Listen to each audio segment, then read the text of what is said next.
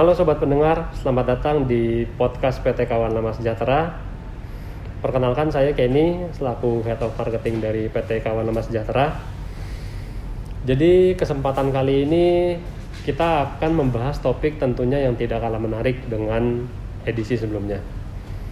Dan hari ini kita kedatangan tamu yang luar biasa yaitu Managing Director dari PT Kawan Lama Sejahtera Ibu Agustina Iftariani atau biasa kita panggil Ibu Iva.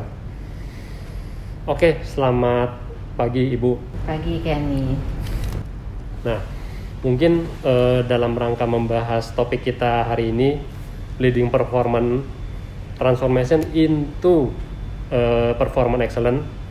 Mungkin Ibu bisa cerita sedikit gak ke kita-kita nih di timnya Ibu mungkin atau untuk teman-teman yang di luar sebenarnya apa sih bedanya KLS saat ini dibanding KLS zaman dulu?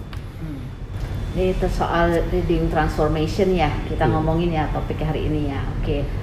Wah jauh banget kawan nama di Glodok sama sekarang ya udah mungkin yang ngomong begitu nggak cuma kita sendiri nih even uh, rekan-rekan Pak Kun sama Pak Ijek di Glodok pasti mereka juga berkomentar banyak karena di Glodok dulu kan kita cuman saya bergabung di kawan lama itu tahun 94 bergabung kedua kali. Yang pertama tahun 91 proses sekolah saya balik lagi tahun 94 di 94 itu aja kita baru 250 orang.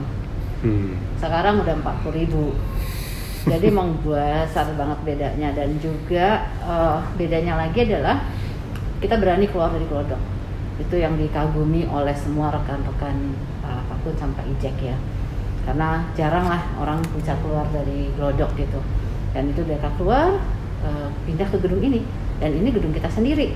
Hmm. dibangun dengan desain dan aspirasi family.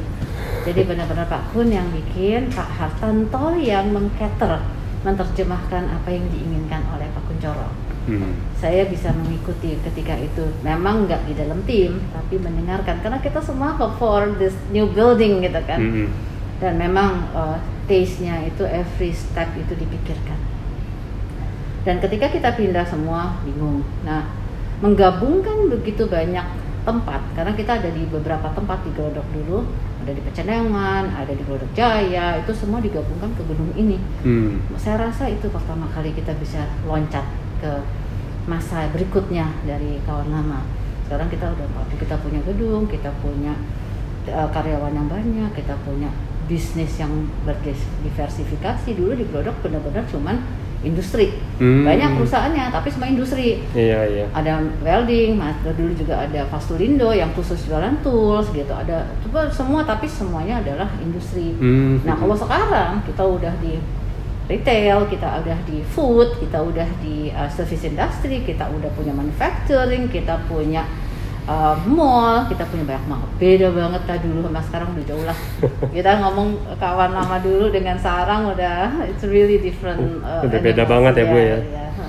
Kalau dari jumlah cabangnya sendiri sebenarnya untuk KLS atau Oh iya, cabang apa? sih beda ya. Cabang itu kita nggak banyak berubah. Kita uh, dulu juga saya pernah pegang memimpin seluruh cabang kawan lama di tahun 2000 Oke. Okay. Pak pun assign saya di 2000 dulu kan sebelum tahun 2000 itu saya IT manager. Mm -hmm. Nah, kita krisis tahun 98 kita uh, rem semuanya dan kita saya masuk ke business development dan mengembangkan cabang. Hmm. Ketika itu cabangnya 13. Hmm. Sekarang juga cuma 18 itu pun dengan uh, service center. Oh, cuma 18, Bu. Eh, kita 18 kan? Oh, nah, okay. jadi kita memang nggak nggak banyak gitu. Iya, jadi iya, iya. Uh, dan itu banyak kan juga service center. Iya. Yang real cabang itu cuman sedikit sekali 16 mungkin ya. Jadi uh, kita itu beda sekali sama retail. Kalau mm -hmm. retail kan modelnya memang dia harus buat buka toko, iya. mendekatkan diri pada pelanggan yang konsumer. Kita mendekatkan diri pada industri. Jadi okay. kalau ada uh, tempat-tempat industri, kawasan-kawasan industri gitu, kita harus ada di sana. Jadi memang strateginya beda ya Bu? Beda banget. Jumlah 18 itu untuk industri di tiap provinsi dan tadi yang retail sedangkan mendekatkan ke setiap pelanggan. Iya. Okay. Jadi eh, kalau retail hitungannya adalah jumlah household. Mm-hmm. Householdnya berapa, mereka butuhnya berapa, kita harus siapkan toko sesuai dengan kebutuhan household di sana. Mm-hmm. Nama harusnya menghitung jumlah kebutuhan industri, mm. gitu. Jadi memang kita sangat berbeda dan kita kan wakil, jadi showroom kita tuh bukan toko. Iya. Artinya boleh beli di situ, tetapi mewakili apa yang kita bisa jual. Iya. Karena yang kita bisa jual jutaan artikel, nggak mungkin masuk di dalam satu toko gitu. Iya, Jadi iya. agak beda sih. Jadi memang harapannya bikin glodoknya ada di mana-mana ya bu, Nah, seluruh Indonesia ya. Iya, dan itu uh, Glodok pun meskipun kita ada toko, uh, cabang kan punya toko juga, tapi Mhm. tokonya nggak gede banget seperti E1 Informa. Tapi toko itu harus mampu me- menjawab kebutuhan dari industri. Jadi kalau misalnya dia butuh barang, barang yang nggak ada di situ kan kita bisa inden. Kita Hmm. bisa inden, kita bisa ambil dari DC kita di Jakarta, kita bisa ambil dari cabang lain. Jadi artinya memenuhi kebutuhan industri itu. gitu. Oke, siap. Nah, dari pengalaman ibu nih, Mhm. dalam proses perjalanannya mungkin eh, 10 tahunan belakangan ini lah ya atau belakangan ini sebenarnya poin utama aja sih bu eh, yang menjadi dasar transformasinya KLS bisa menjadi seperti sekarang ini. transformasi kita ya Mm-mm. banyak banget loh kita itu kalau saya ikutin ya dari tahun 94 saya gabung ya saya pernah ingat pertama kali saya gabung 94 itu Pak Awok panggil saya di uh, tahun 95 kalau nggak salah Mm-mm. dia ingin kita itu ISO 9001 Oke. ISO zaman itu tuh sesuatu yang aneh apalagi di Glodok gitu. ketawain orang mana mungkin perusahaan cek-cek di Glodok pakai ISO segala ngapain gitu kan tapi pada saat itu Pak Awo itu kan lulus dari Amerika dia itu ingin membawa perusahaan ini ke multinational company Mm-mm. sama sebetulnya ketika saya bergabung lagi tahun 94 ketika saya lulus Mm-mm. saya ambil S2 di Amerika, semua teman-teman saya ngetawain. Oke. salah lu ya. Ambil kerjaan pulang dari Amerika lu kerjanya di Glodok gitu. Tapi sebetulnya pada saat saya kembali, saya ketika saya sekolah, yang saya pikirkan adalah karena pertama kali lulus dari kuliah UGM kan saya udah kerja di kawan lama Mm-mm. memang empat bulan tapi empat bulan itu saya mendapatkan pengalaman yang banyak sekali kenapa saya membantu Pak Kun dealing dengan banyak uh, apa bisnis ya karena Hmm. kawan lama itu kan ambil top 3 brand in the world Mm-mm. ketika itu dia sedang dealing sama Mitutoyo Mm. Mr. Endo saya ingat banget dan di situ saya belajar banyak ketika saya ambil S2 pengalaman itulah yang menginspirasi pengajaran saya di sana ketika kembali saya bilang sama Pak Kun Pak Kun saya balik nih udah selesai sekolahnya mau eh, memanfaatkan saya nah saya jo- join back dan saya bermimpi waktu itu juga sebenarnya mimpinya sama lah mirip Pak Pao ya pengen membawa kawan lama menjadi multinational company Hmm. jadi ketika Pak Awo assign saya untuk bikin ISO, saya janji Pak Awo, iya satu tahun kita capai. Dan pada saat itu kita berhasil mendapatkan ISO 9001 dalam waktu 8 bulan. Pada saat itu eh, perusahaan distribusi pertama. Karena yang lain tuh biasanya manufacturing. Mm-mm. Nah, ISO tuh dipakai di manufacturing. Distribusi kok pakainya ISO. Kita dapet tuh ISO, oh, happy banget lah. Terus juga eh, kita ECC. Loncatan berikutnya sebenarnya kita lakukan di tahun 2013. Itu ketika SAP kita implementasikan. Hmm. Memang ketika tuh S sudah besar, Informa sudah ada juga besar, kawan lama. Jadi tiga besar ini. Crispo belum lahir, itu tahun 2000 2009, 2008, eh, 2009 dan 2010 itu memang saya disuruh pegang eh, bisnis eh, proses dulu namanya QA department. Mm-mm. Ketika pegang itu saya lihat loh kok ini sistemnya ngeri bener. Artinya AS 400 kan kita pakai di Glodok itu udah lama sekali. Memang even pada saat itu pun kita adalah perusahaan pertama di luar perbankan yang menggunakan AS 400 Hmm. itu di bawah Pak Hartanto tuh kita pakai AS 400 jadi sebenarnya kalian nih yang kerja di kawan lama boleh bangga nih ya dari awal sampai sekarang itu Pak Kun nah, itu visinya benar-benar high tech teknologi the Iya. latest information teknologi yang Iya. dipakai tapi pada saat itu udah udah nggak bisa karena silo sistemnya tuh silo dan Mhm. eh, banyaklah kita merasa harus melakukan suatu perubahan Oke. ketika perubahan itu juga kita mikir eh, sistem kawanan harus diganti AS 400 udah nggak bisa eh sama Informa pakainya sistem Magic ketika itu karena waktu itu karena nggak cocok dengan AS 400 kita bikin pakai sistem Magic itu yang dari Israel kita tulis Hmm. sendiri Mm-mm.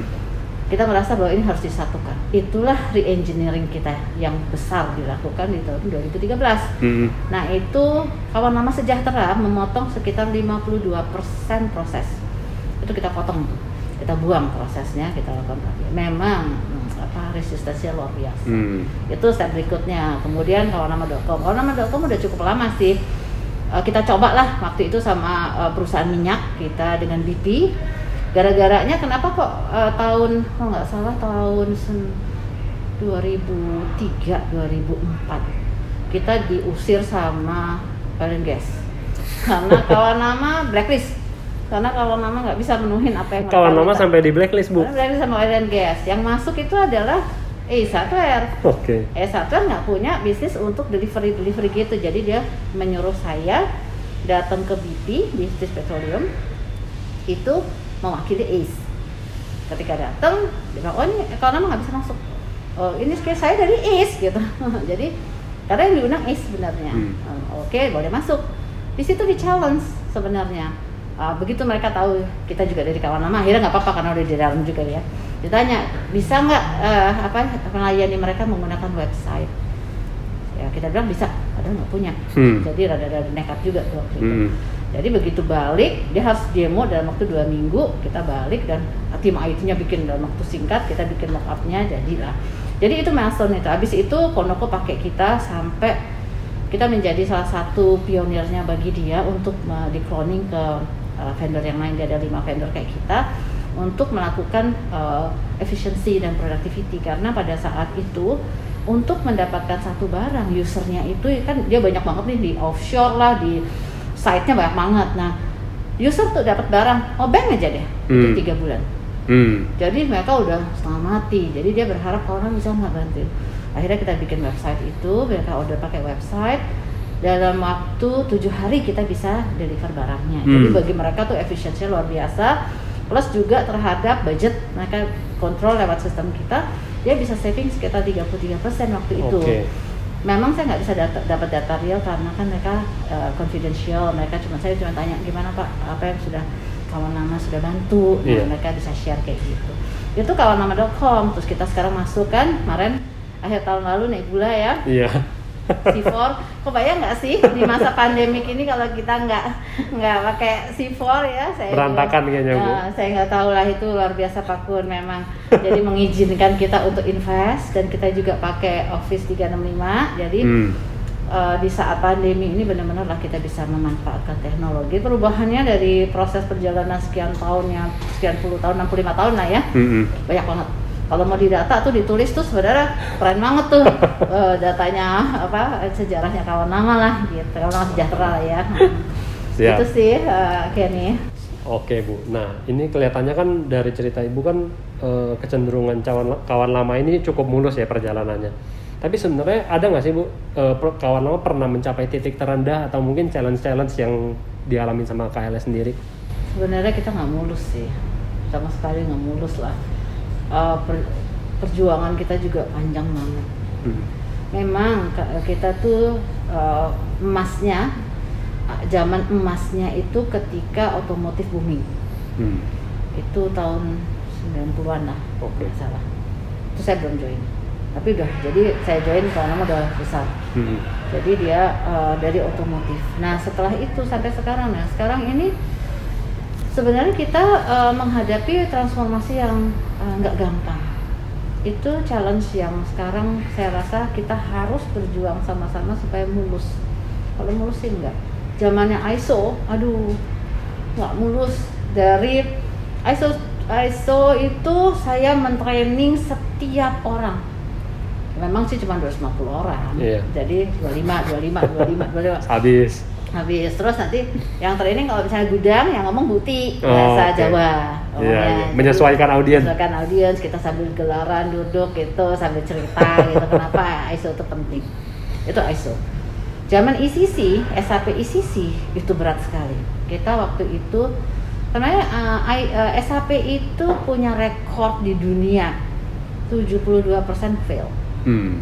Fail itu dalam arti kalau suksesnya suatu bis, eh, suatu implementasi SAP adalah on budget, on time, on functionality. Iya. Tiga itu terpenuhi baru dia sukses. Iya. Nah, ketika SAP kita mau implementasi, eh, kita harus mentraining sama lah seperti ISO kita harus training semua orang, Iya. user kan harus di training. Yang hadir nggak sampai 50%.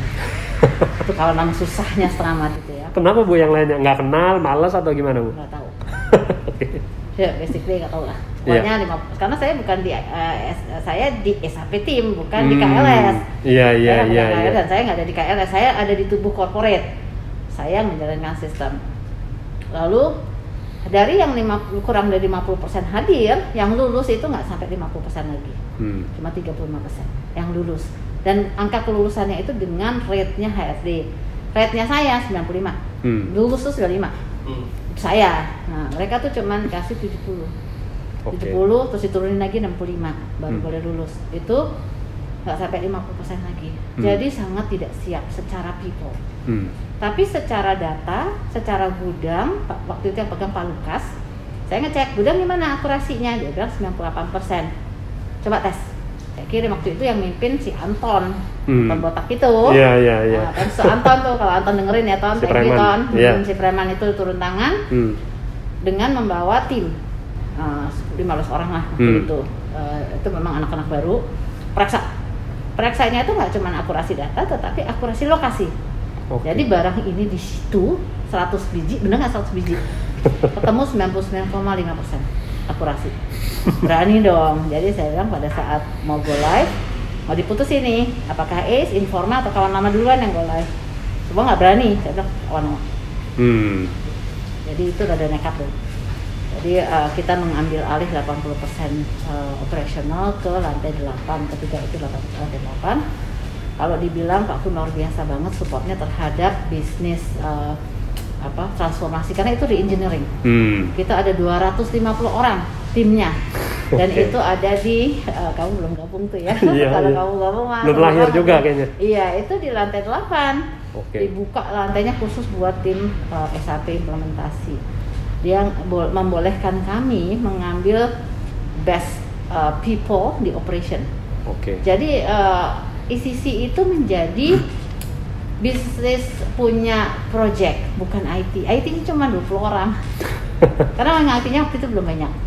Jadi benar-benar diambil best uh, people on the in on operation jadi tim jadi sistem ini didesain dan ditentukan oleh operation itu kunci suksesnya juga sih buat kita waktu itu kita sukses Mhm. ditargetkan 18 bulan dan kita 18 bulan Mhm. sudah live gitu. dan Mhm. kita live-nya Big Bang live hidup putus sistem yang sebelumnya jadi nggak di nggak boleh dua sistem jalan gitu, gitu. Oke. Big Bang. itu ACC banyak challenge-nya lah termasuk yang sekarang B2B juga challenge-nya cukup banyak Nebula ya mm, boleh dibilang kalau saya boleh ngomong ya blessing juga dengan adanya pandemik ya Iya. Nebulanya 100% adaptability-nya orang bisa kaget loh Mau nggak mau harus Ah, bisa dipakai. iya karena Iya. kita kan nyangkutin sama insentif Iya iya. terus kita rubah visitnya menjadi telepon dan email Iya. telepon email di- dihargai jadi eh, aktivitasnya berubah dan itu dihitung semua by system Hmm. udah connect kan jadi eh, itu kuncinya juga sih kalau challenge mah banyak Siap. Mm-mm. Oke bu. oke apa lagi Nah mungkin yang terakhir. Jadi ini kan KLS kurang lebih udah sekitar 65 tahunan ya bu. Mm-mm. Sebenarnya ada rahasia apa ya? Mungkin atau mungkin value dasar yang bisa membuat KLS tuh survive gitu ya? Di mana mungkin nggak banyak, mungkin nggak banyak perusahaan yang bisa survive di atas 65 tahun gitu bu. Apa ya kira-kira rahasianya bu? Kalau menurut saya sih ya, hmm, our values. Values itu kan nilai yang mendasari kita hidup. Hmm. Uh, personal maupun bisnis sama ya. Apa sih value kita dalam hidup yang membuat kita itu drive our effort, Hmm. our mindset, our life itu kan values ya, Hmm. nilai yang dianut. Saya percaya nilai yang dianut oleh keluarga ini menurun ke kita semua yang kerja. Salah satunya apa? Integritas. Hmm. Itu nggak bisa ditawar.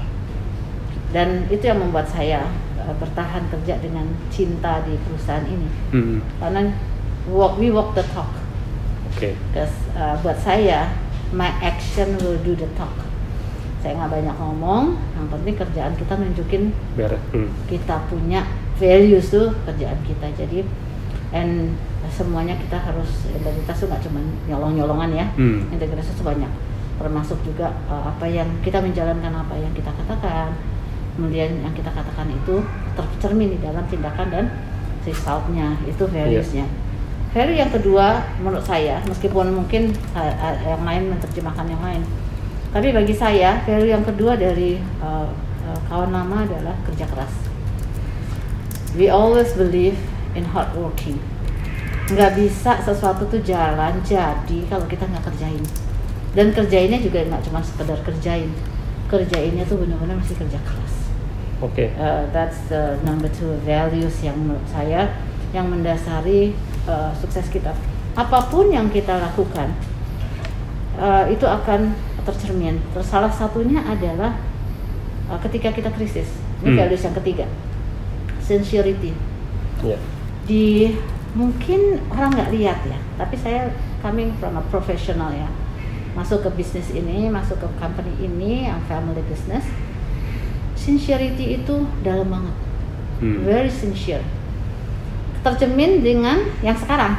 Dulu nggak kelihatan dulu hmm. kan kerja keras uh, result uh, waktu itu masih gini dulu. Zaman dulu memang harus pokoknya begitu. ada aja pokoknya kerja uh, aja ya. nah itu hari dulu. Hmm. tapi itu sebetulnya memang a part of our values. Yeah.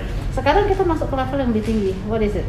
Human centric human centric adalah values yang sekarang kita mau tekankan keras. Itu turun dari Pak Kun. Hmm. dan sangat cocok dengan saya. Karena kenapa saya bicara sama Pak Kun kayaknya mungkin ketika kita mau implementasi SAP dulu saya bilang kalau orang implementasi SAP yang sukses-sukses kan semua pakai SAP. Hmm. Tapi siapa yang nggak bisa pakai SAP sih? Semua orang bisa pakai SAP. Ya kan? And what is the next one?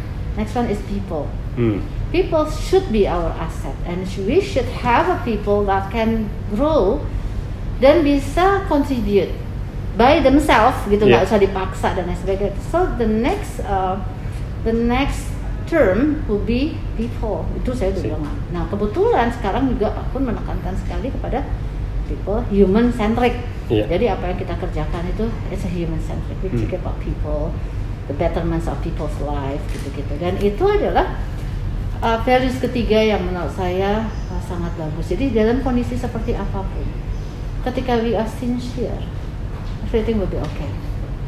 Itu yang saya lihat dan uh, contohlah sekarang dengan kekuatan kita dulu zaman kita kena hit uh, yang pertama 98 itu berat sekali ya kan? Oke. Okay. kita harus cut people. Kita sampai harus, motong orang ya bu? Uh, itu keputusan itu diambil Pak Aku dengan sangat berat.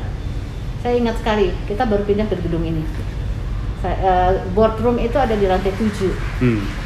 Beda situasinya uh, dia ada ruangan-ruangan gitu. Hmm. aku panggil dia tanya gimana Iva? Anak-anak kita yang di bawah satu juta nggak bisa hidup. Dulu banyak yang gajinya masih di bawah satu juta. Mm-hmm. nggak bisa hidup. Ya udah naikin yang di bawah satu juta yang atas dipotong. Dan kita lakukan itu terus uh, kita cut people juga uh, ya sakit lah sampai itu. Makanya kemarin Pak Kun pesen-pesen gimana caranya bisnis bisa survive supaya kita nggak di pandemik ini? Pak Kun kan kepengennya kita nggak cut people yeah kita nggak potong gaji sebenarnya gitu. Maka ya KLS pun akan dikembalikan di akhir tahun kalau kita mencapai dan lain sebagainya lah. Kita berusaha gimana caranya supaya kita nggak melakukan itu lagi. Yeah. itu saya rasa masih ter, tertanam di benak beliau pada saat itu kita lalui. Tapi kalau kita saat itu nggak sincere ke semua orang dan ya kita nggak akan laluin ini semua sih menurut saya jadi itu tiga big values yang membuat kawan nama itu seperti sekarang yeah. menurut saya. Untuk menutup uh, sesi kita hari ini bu mungkin ada nggak pesan kesan dari ibu mungkin untuk tim kita nih timnya ibu di KLS ataupun pelaku industri yang serupa sama kita? Uh, kalau kawan lama sejahtera tim ya harusnya values itu dianut ya. Oke. Okay. kerja keras integritas sincerity itu. Itu di, dianut lah sama kita dan harus saat ini pesan saya adalah kita di dalam masa transformasi Artinya dari dulu kawan lama sebagai product centric, terus kemudian masuk ke customer oriented. Sekarang kita harus masuk ke market oriented, market driver. Udah nggak bisa lagi kita cuma pegang produk terus kita aman tentram damai sentosa nggak bisa. Hmm. Kita selalu kita masih kekuatan kita masih di kita sebagai distributor top 3 brand in the world masih, tapi it's not enough. Yeah. Makanya kita masuk lagi ke uh, customer driver di mana customer lah yang kita harus fokusin di account management apa kebutuhannya by LOB kita pecah-pecah by LOB supaya sales ketika ngomong sama customer yang satu kalau SOP-nya sama dia paham masalah yang dialami jadi Hmm. dia bisa memberikan solusi jauh lebih cepat daripada yang LOB-nya banyak-banyak yang Iya. dia pegang tapi itu nggak cukup sekarang kita harus masuk ke market driver market driver itu apa contohnya emang ada yang bisa menghindari disruption teknologi? Emang ada yang bisa menghindari yang namanya eh, udah nggak ada border lagi? Nggak ada kan? Iya. jadi itu menjadi satu yang nah pesan saya adalah be ready for that. Be ready with, with all the transformation required. Karena that is for us to success. Sama supaya kita juga as a human juga uh, menghasilkan sesuatu. Kalau kita nggak mau berubah, kita nggak mau bertransformasi, kita tuh nggak bisa berguna buat semuanya gitu. Nah itu yang saya pesan saya untuk ikuti transformasi ini. Pelajari apa yang harus dipelajari, tumbuh bersama. So grow with whatever that you face. Kita lagi pandemi nih sekarang, we grow with that. Dengan masalah challenge-challenge, we grow with that. Jadi kita nggak nggak takut harusnya. Jadi kalau ada satu istilah ya kalau saya ya, kalau ada storm gitu, orang cenderung menghindari storm, badai. Kalau saya, we have to go through the storm. We have to run and walk through the storm. Biar cepat lewatnya dan kita bisa melaluinya dengan baik. Kalau bisa, we are dancing in the storm. We Yeah. are not only running through the storm, but we are also dancing in the storm. Artinya apa? Riding the storm. Ada storm gerakan ini yang merubah ini, yang transformasi ini. Gimana caranya? Justru kita naikin supaya kita maju lebih cepat lagi. Itu pesan saya buat semuanya sih. Begitu, jadi jangan takut sama apa pun yang terjadi. Termasuk pandemi ini, we shouldn't be worry ya. Oke. Kalau kena ya kena, terus kita harus positif untuk bisa sembuh gitu. Siap. Itu sih Kenny. Oke, thank you banget Bu. Jadi kita harus grow with whatever you face and riding the storm itu akan membantu kita untuk semakin cepat untuk maju gitu ya. Itu adalah pesan-kesan dari eh, Bu Iva. Oke, eh, thank you banget Bu Iva untuk waktunya di kesempatan sesi podcast kali ini. Buat teman-teman semua, mungkin eh, sobat pendengar bisa ikutin terus podcast sesi kita untuk yang berikutnya.